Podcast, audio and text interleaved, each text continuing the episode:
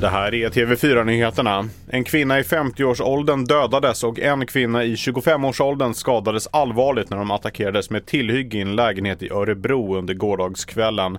Vi hör polisens presstalesperson i Bergslagen. Eh, vi har hållit eh, en stor mängd vittnesförhör och eh, vi har genomfört brottsplatsundersökningar och nu fortsätter vi med sedvanliga utredningsåtgärder för att kunna ta reda på vad det är som har hänt och även gripa en misstänkt gärningsperson eller gärningspersoner. Mm. Och det säger att ni har en tydlig bild här över händelseförloppet och en uppfattning av vem som ligger bakom. Hur nära tror du att ni är ett gripande? Eh, förhoppningsvis eh, så snart som möjligt.